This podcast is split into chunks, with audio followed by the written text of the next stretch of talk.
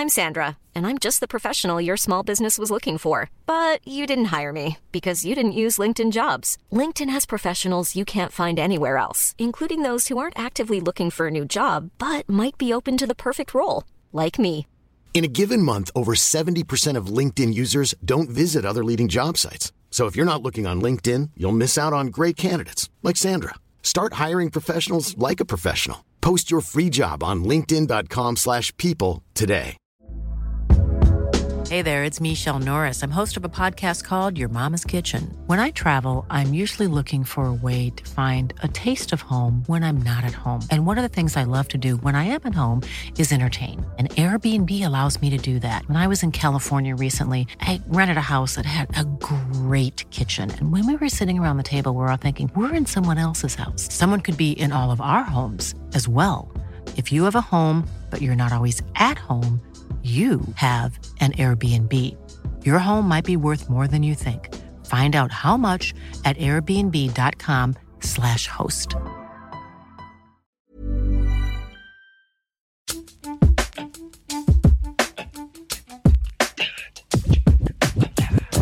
Varmt välkomna till Britta och Parisas podcast varje vecka om de aktuella ämnena och frågorna som berör oss, men också hela världen, vare sig det är kultur eller nyheter. Och den här gången, Britta, hur blir det nu? Ja, då, först kommer vi börja med lite trams och sen går vi rakt in på det brännande som vi alla kanske behöver diskutera just nu, nämligen Mithril, skoja, jag menar Israel och Hamas. Och de som har sagt de mer lyckade sakerna och de som får representera en mediebevakning som kan bli bättre.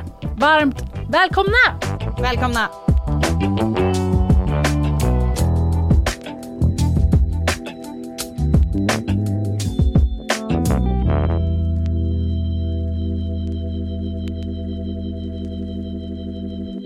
I P1 Morgon så rapporterade de om att det är en grej att vissa Eurovision-danser görs liksom TikTok-vänliga. Mm. Wow. För att locka en yngre publik. Det här är exakt som den här ordlistan som släpps varje år. Som kommer och punkterar ett ord med att de gör det officiellt. Och på samma anda så är det så att när P1 Morgon uppmärksammar en nutida trend, att luften går ur det fullständigt, för det är så uppenbart. Men berätta mer. Nej men jag tänker ju så här, är det inte just små barn som jag är på TikTok som är de som kollar på Mello och Eurovision? Eller? Ja, vad är alltså det är väl en icke-nyhet?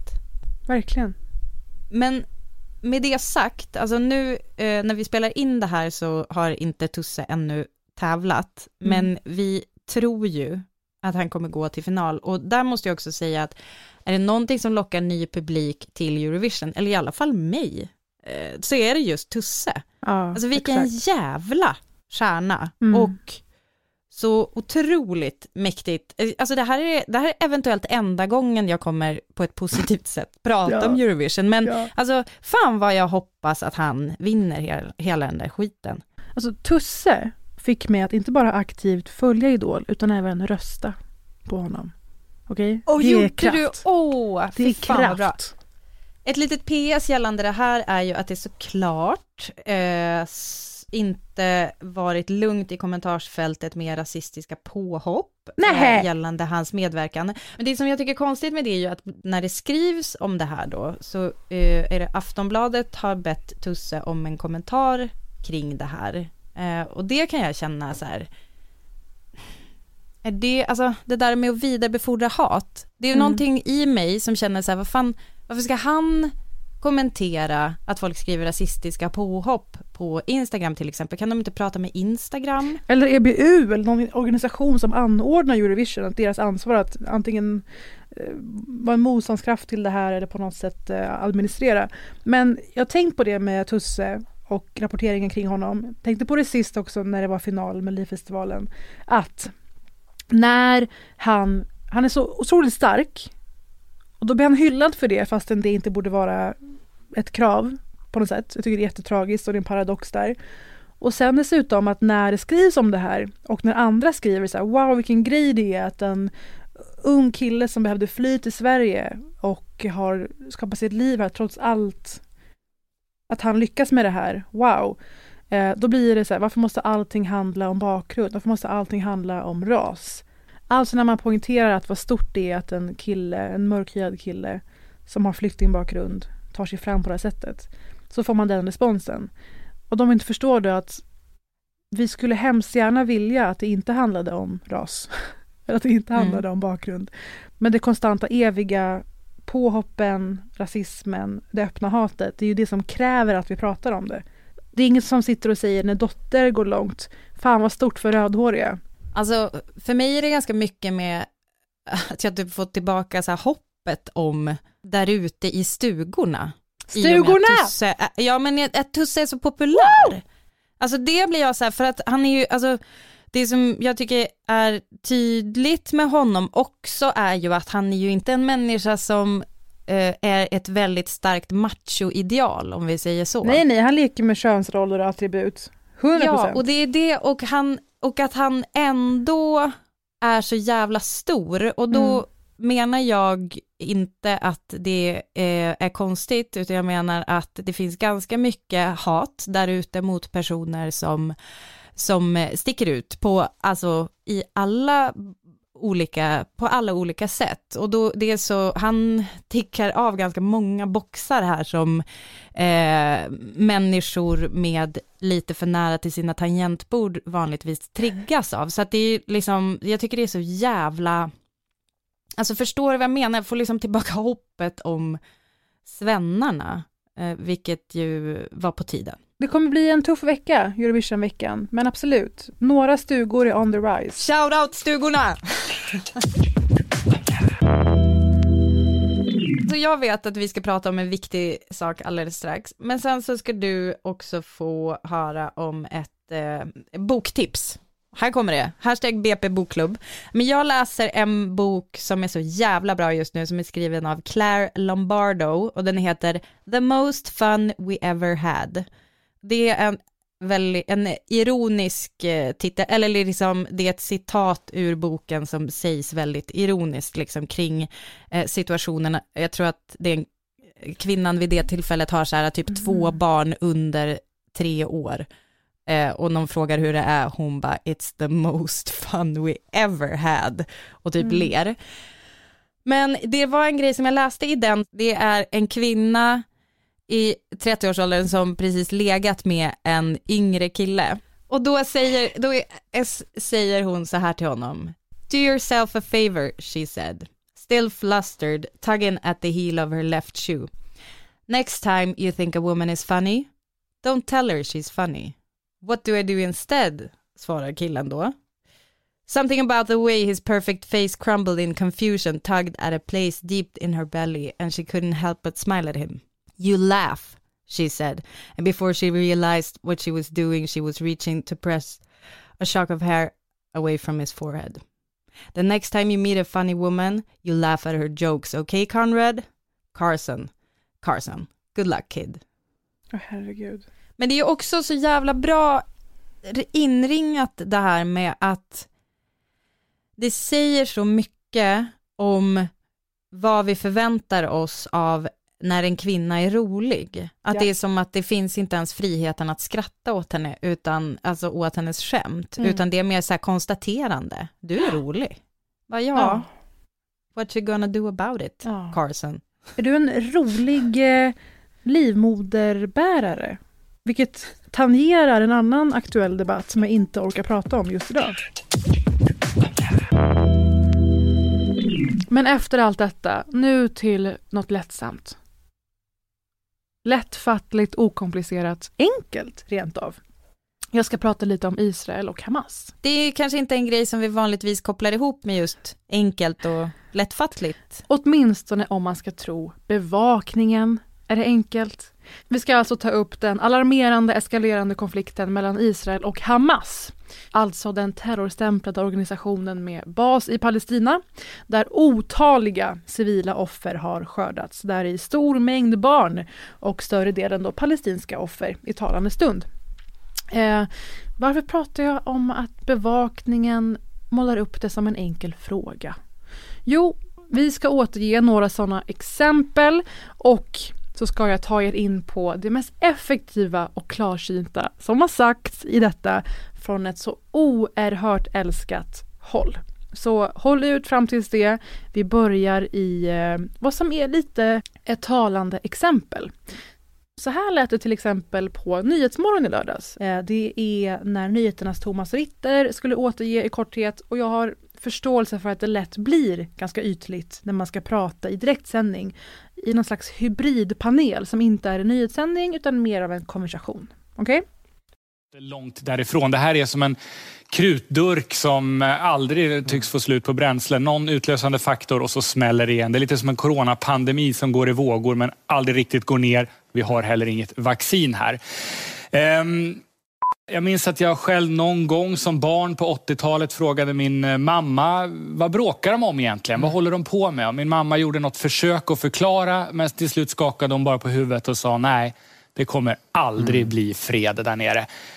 Jag hoppas att min salig mor hade fel. Mm. Men när man ser hur den här veckan har varit så befarar man att tyvärr kanske hon har rätt. Ja. Alltså nu vill jag inte snacka skit om hans mamma, Rest in Peace, eh, Eh, men det är väl lite, går det ju ändå att förklara vad det är som har hänt och vad det grundar sig i. Sen så är det ju många sakkunniga, eh, jag har bland annat, för jättemånga år sedan så kände jag en som jobbar på UD med den här konflikten som sa upp sig till slut för att så här, det kommer aldrig lösas. Jämförelsen med corona var ju lite speciell eftersom det är ju en pandemi som har slagit ganska jämnt mot exakt hela världen där det kanske inte riktigt är någon som är ansvarig. Alltså såklart finns det ju faktorer som eh, liksom är ansvariga, men inte riktigt kanske då en Ja, på samma sätt här. Och det här är som sagt bara ett talande exempel av eh, nyhetsveckan i stort och de eh, resonemang man har nåtts av. Och sen det här med mamman då, hennes resonemang. Jag tänkte börja där. För där kände jag att en stor del, en stor del av varför det här kanske inte kommer till en mer praktisk eh, njutbar lösning för de drabbade, de, de som lider, är just den här rycka på axlarna, suck, responsen som finns. Och det här är absolut mm. ingenting mot den här personens mamma. Kanske mer att det återges i direktsändning i en så pass het fråga. En grej som man kan använda sig av i sammanhang där det känns liksom lite snårigt eh, är ju till exempel att titta på tydlig fakta. Eh, jag vill, jag känner att det finns en parallell att dra här till om man till exempel funderar över jämställdhet så är ju ett väldigt enkelt verktyg man kan använda sig av är att räkna. Att till exempel mm. räkna hur många svarta du ser i en dagstidning eller räkna hur många kvinnor som är porträtterade eh, liksom ovanifrån med lite halvöppen mun och så vidare. Eh, och då så kan man ju i det här fallet, eh, alltså man kan ju titta på väldigt pedagogiska kartor som har delats över eh, vilka områden man pratar om, hur de områdena mm. också såg ut, hur Just stor det, enligt eh, var. överenskommelsen när staten Israel blev till, eh, hur yep. landsmassorna såg ut, hur den ursprungliga överenskommelsen såg ut, eh, som var tänkt att vara mycket mer hållbar och fredlig och hur denna med tiden har lett till större och större ockupationer av landsytor, eh, som alltså strider mot internationell rätt helt enkelt från Israels sida. Ja, och att om man bara tittar på dem, tycker det är ganska tydligt ändå. Man anar, man, man får ju en, en ganska tydlig pusselbit i alla fall. Mm. Och det, det, den hade vi ju på 80-talet också, så det hade väl morsan kunnat bjussa på. Men återigen, inget personligt mot henne. Jag märker i alla fall att väldigt många lutat sig mot denna väldigt allmänna förenkling. Att väldigt språkligt ge utlopp för att det är någon slags suck och tragik över det här. Typiskt vad de håller på. Oj, oj, oj. Nästan som att det är en naturkatastrof. Det bara uppstår. Trist att så mm. många rykte med i den här orkanen. Alla fick de här sätta, husen. Fick sätta livet till, inte blev mördade. Ja. Så jäkla trist att ni skulle råka ut för den här tsunamin. Usch! Och så målas det upp i allt för stor utsträckning. Och det ledde mig till vad kanske mitt grundskav var kring inte bara den här formuleringen men det talande för bevakningen i stort, tyvärr. Eh, det ena är att den här förenklingen är väldigt skadlig för att den är förminskande för lidandet och allvaret. Och det blir svårare också att kritisera specifika händelser om omvärlden nästan rycker åt axlarna. Som att, men gud vad de råkar, trams. För det det här kan kopplas till är boys will be boys mentaliteten. Mm. Där saker bara ofrånkomligen uppstår. Man rycker på axlarna, typiskt. Mm. Vad ska man göra åt saken hörni? Alltså, Mellanöstern will be Mellanöstern. Blev min slutsats av, Effekt. av vad den här formuleringen och vad den här bevakningen säger och förmedlar. Om så enormt onödigt lidande. Är du med mig så här långt? Mm. Och det är en hel del poänger om bakgrunden och upptrappningen senaste åren där det hänt väldigt specifika angelägna saker som saknats i allt detta. Och jag ska ge er verktyg och perspektiv nödvändiga för att förstå och fortsätta ta del av rapporteringen. Lite nyktra ögon. I talande stund har tusentals skadats och blivit av med hem, vård, infrastruktur och liknande på palestinsk mark. Eh, tisdag, talande stund, 200 palestinier döda, 53 barn, 35 kvinnor enligt de flesta källorna. Det ser olika ut på olika håll. Och i talande stund har alltså över 10 personer fått sätta livet till i Israel som har dött efter raketattacker från Hamas och som har kommit fram förbi det här försvarssystemet vi ska komma fram till. Och det är såklart oavsett i båda fall oförsvarbart och fruktansvärt och måste upphöra. Och för att bara börja prata om hur det här har uppstått så ska jag lyfta fram ett klipp ur Sveriges Radios bevakning som har hållit mycket hög nivå överlag. De säger strider mellan Hamas och Israel istället för Palestina och Israel till exempel. Så Sveriges Radio hade med freds och konfliktforskaren Lisa Strömbom i Sveriges Radio där hon fick frågan om vad är det som kommer krävas för att de här striderna ska mattas av? Och där blir det perfekt för oss att börja. Ingen av parterna vill ta första steget till en vapenvila. Det säger Lisa Strömbom, freds och konfliktforskare, som menar att ingen av parterna vill vika ner sig. Så länge de anser sig ha något att vinna på fortsatt våldsanvändning så kommer de nog att göra det. Eh, Netanyahu har sagt att han kan gå med på en vapenvila om Hamas avslutar våldsamheterna först och efter tre timmar skulle Israel följa efter.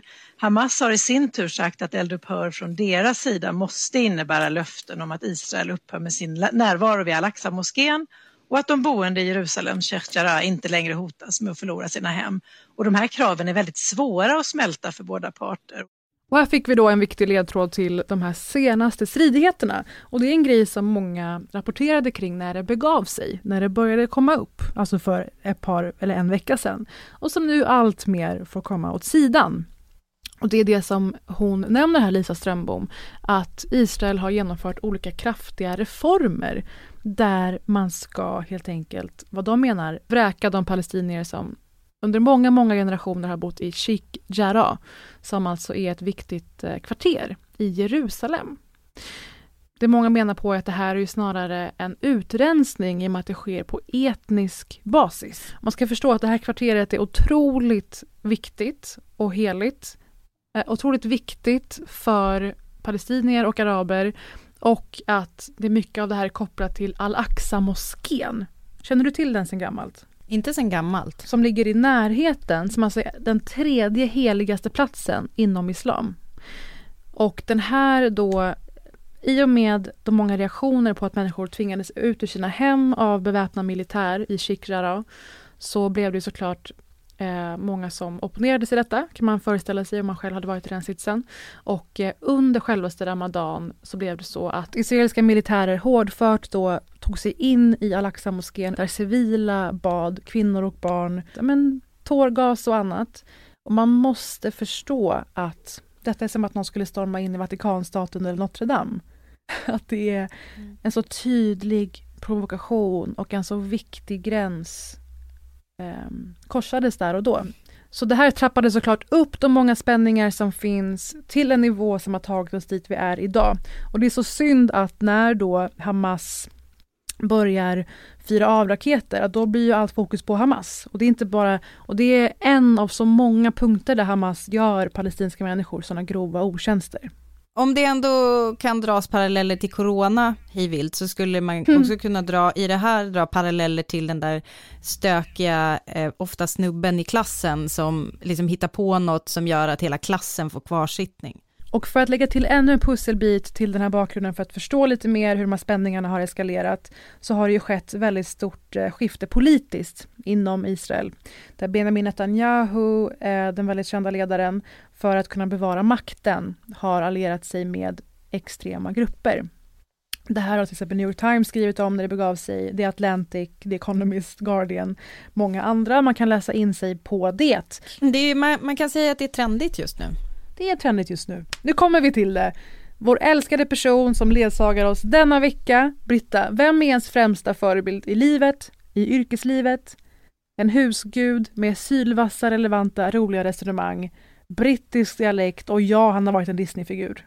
Åh nej, jag var på väg att säga Cecilia All Hey the Queen Udén. Men det var alltså inte... Hon också Okej. på andra sätt. Men vem är det jag Vem? syftar på nu? Han har spelat en animerad papegoja i en Disney-remake. Menar du John Oliver? John Oliver! Alltså late night eh, hosten, legendaren, han är ju såklart programledaren för Last Week Tonight som finns på HBO Nordic. Och han ägnade tio goda minuter i veckans avsnitt åt denna fråga som är tid, äh, som känns som en ny, en ny high till och med för honom. Jag har tidigare i den här podden refererat till John Oliver när han tog upp eh, alltså en så osexig egentligen grej som lokaltidningens eh, vara eller icke vara, eller rättare sagt deras livsnödvändiga eh, vara. Det som han och hans team eh, gör väldigt bra är ju att ta eh, saker som kanske liksom känns just väldigt komplexa eh, Mm. eller liksom svåra att fatta eh, och förklara det på ett enkelt sätt och också dessutom göra det ganska roligt. Är det en tagline vi önskar eller inbillar oss att vi även, även vi kan dra oss med? Ja. Det ska vi vara ärliga Nej, med. det vet jag fan. Nej, jag, inte John Oliver nivå, Parisa. Där, har- där, nu har du hybris.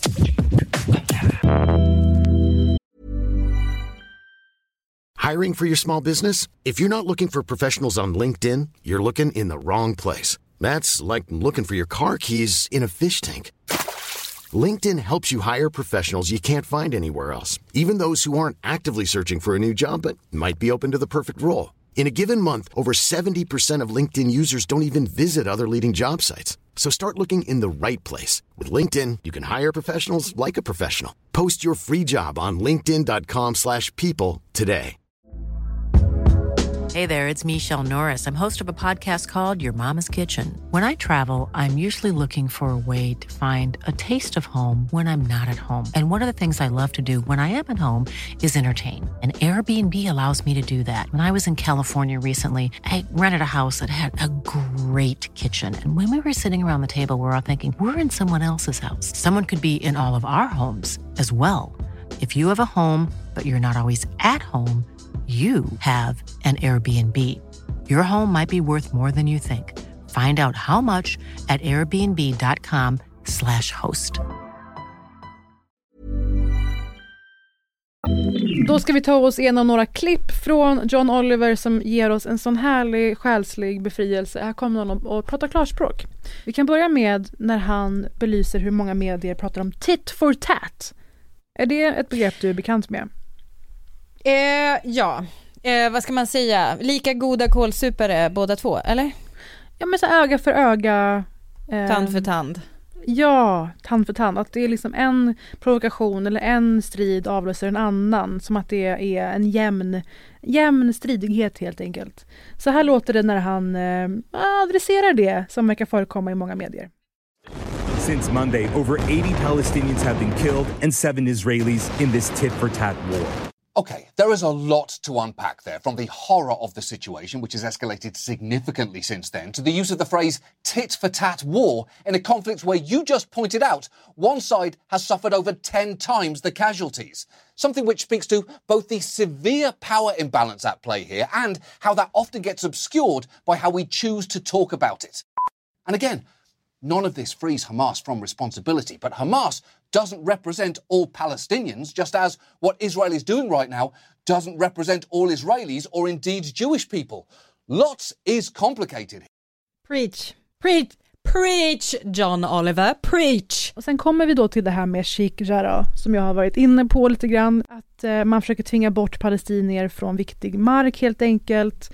Och detta genom sanerade begrepp som vräkningar eller dispyter över fastigheter. Eh, alltså FN kritiserade redan då, när det här blev känt, när man började föra igenom den här reformen, det här lagförslaget, att dessa utrivningar under hot skulle innebära att Israel bryter mot internationell rätt, en, mot det, den överenskommelse, den ursprungliga. Um, och bara det tycker jag har glömts bort väldigt mycket i medial bevakning. Så John Oliver belyser en person som fick tala på CNN som kom med ett något annat perspektiv. So it is not hard to see why sanitized terms like evictions or property disputes rankle those who live there. You grew up uh, in, in the neighborhood, your family home is slated for eviction. What is the scene right now? Well, I thank you so much for having me. To start, it's not really an eviction, it's forced ethnic dis- displacement, to be accurate. Eviction does not imply the hundreds and hundreds of heavily armed police and army and settlers polluting, blowing up your doors, throwing your children from your windows, and using brute force to throw you out in the street and assaulting and arrest you should you resist. It doesn't imply the grenades, it doesn't imply the rubber coated bullets. Right. The threat of eviction is accurate only in a very superficial level, in that one day you live somewhere, the next day you don't, and that change wasn't your choice. But it doesn't tell the whole story. One day you live somewhere, the next day you don't. Att det är inte heller en så rättvis eh, bild av vad som har hänt helt enkelt. Vilken, vilken eh, tydlig person det var verkligen med hos CNN tycker jag. Här pratar vi återigen om det här som du och jag brukar understryka ganska ofta att terminologi och liksom tonalitet och retorik, allt sånt där spelar ju roll. Eh, vi har tidigare pratat om det vad gäller alltså i sexuella övergrepp och Eh, vad fan, vad mer brukar vi, alltså vi brukar ta upp det här i alla fall, att liksom hur man pratar om en sak och framför allt hur det skildras i media, vad media väljer att använda för ord i den här objektiva rapporteringen som eh, journalister är skyldiga att hålla sig objektiva, men så smyger, smyger det sig in sådana här ord som till exempel eviction, som så fruktansvärt eh, enormt downplayar allvaret och det mänskliga lidandet. Verkligen, alltså vräkning indikerar att det är någon som inte har följt sina hyresvillkor. Att ja men typ spelat för hög musik. Ja exakt. Åh gud, men så bara här känner man ju så här, vikten på mina axlar blir lite lättare och lite lättare för varje sak som John Oliver säger. Och det man ska komma ihåg här, det jag tycker är viktigt också, är att jag likställer ju inte palestinier och Hamas återigen, det borde ingen göra. Men det är viktigt att ha i åtanke att missnöje och förtryck i långa loppet, den känslan av att man är felfördelad eller att man blir av med sina rättigheter eller sina, där man får bo helt enkelt, det föder ju radikalisering. Så sådana mm. här reformer, som då det här mm, styret som håller på, håller på att ta fram, det göder och göder som, som Hamas. Det tycker jag ändå är viktigt att betona, återigen vad gäller talibaner kontra afghaner, IS kontra syrier. Och så kommer vi till John Olivers klipp om den totala obalansen i makt och militär makt. Israel är en av världens mest avancerade militära stater. It is true that militants from Palestinian groups like Hamas fired over a thousand rockets towards Israel this week, and that is reprehensible. But, and I realise this is the most load bearing conjunction in history, but the majority of those rockets thankfully didn't reach their target for a very clear reason. The casualties and the damage would have been greater, but for Israeli interceptor rockets, the so called Iron Dome, which blew most of the incoming missiles to pieces. Yeah, Israel has a so called Iron Dome. This isn't tit for tat. There is a massive imbalance when it comes to the two sides' weaponry and capabilities. While most of the rockets aimed toward Israeli citizens this week were intercepted, Israel's airstrikes were not. They hit their targets, including a house in a refugee camp, a building housing the Associated Press and Al Jazeera, and this 13 story office and apartment building. And while Israel insisted that there were military targets in that building and that they destroyed it as humanely as possible, even warning people to evacuate beforehand, for the record, destroying a civilian residence sure seems like a war crime, regardless of whether you send a courtesy heads up text. Det låter ju eventuellt likartat i oinsatta öron. Eh, riskerna för diverse, eller för motsatta folkgrupper, eller hur man ska säga. Jag tycker det är bra att han går in och förklarar eh, obalansen, överlägsenheten, det här massiva försvarssystemet Iron Dome som röjer undan rakethot kontra nu då israeliska missiler som har skjutit ner civila hus, kontor för medier. Röda Korset har kritiserat det. Varför då?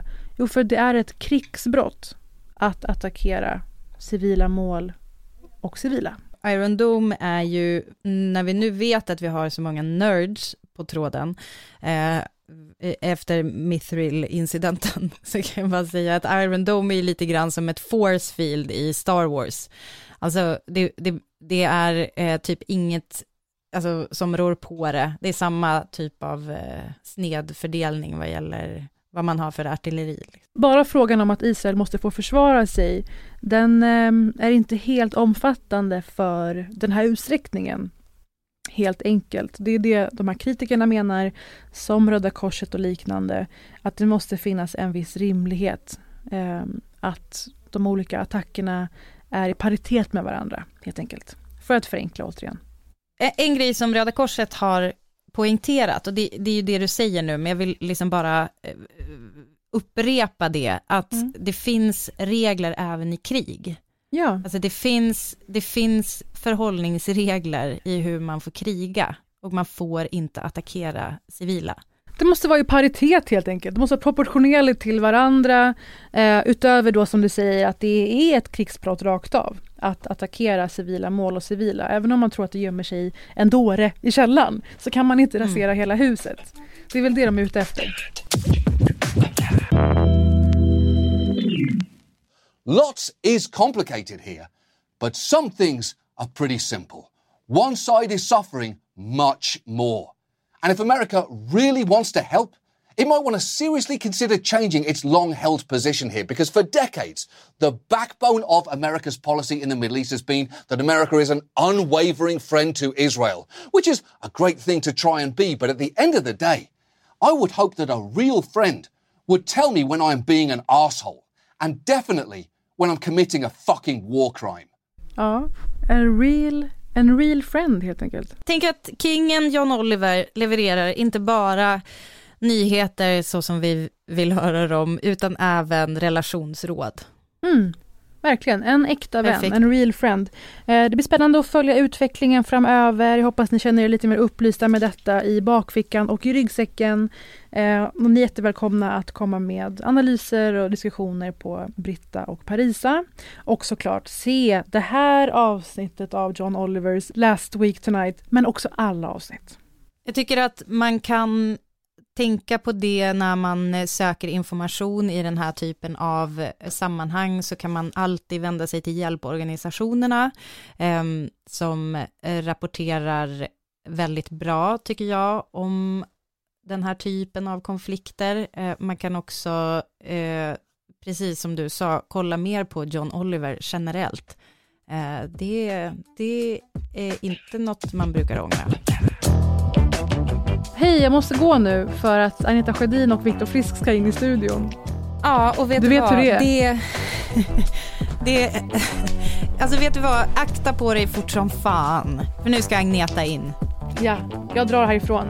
Eh, ja. Vi hörs eh, nästa vecka Britta. Ta hand om Gör dig vi. och motorsågen. Ja, puss. Mm. Hej.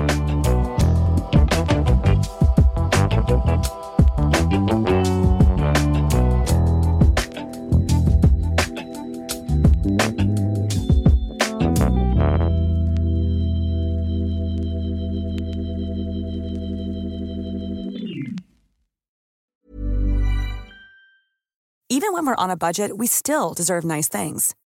Quince is a place to scoop up stunning high-end goods for 50 to 80% less than similar brands.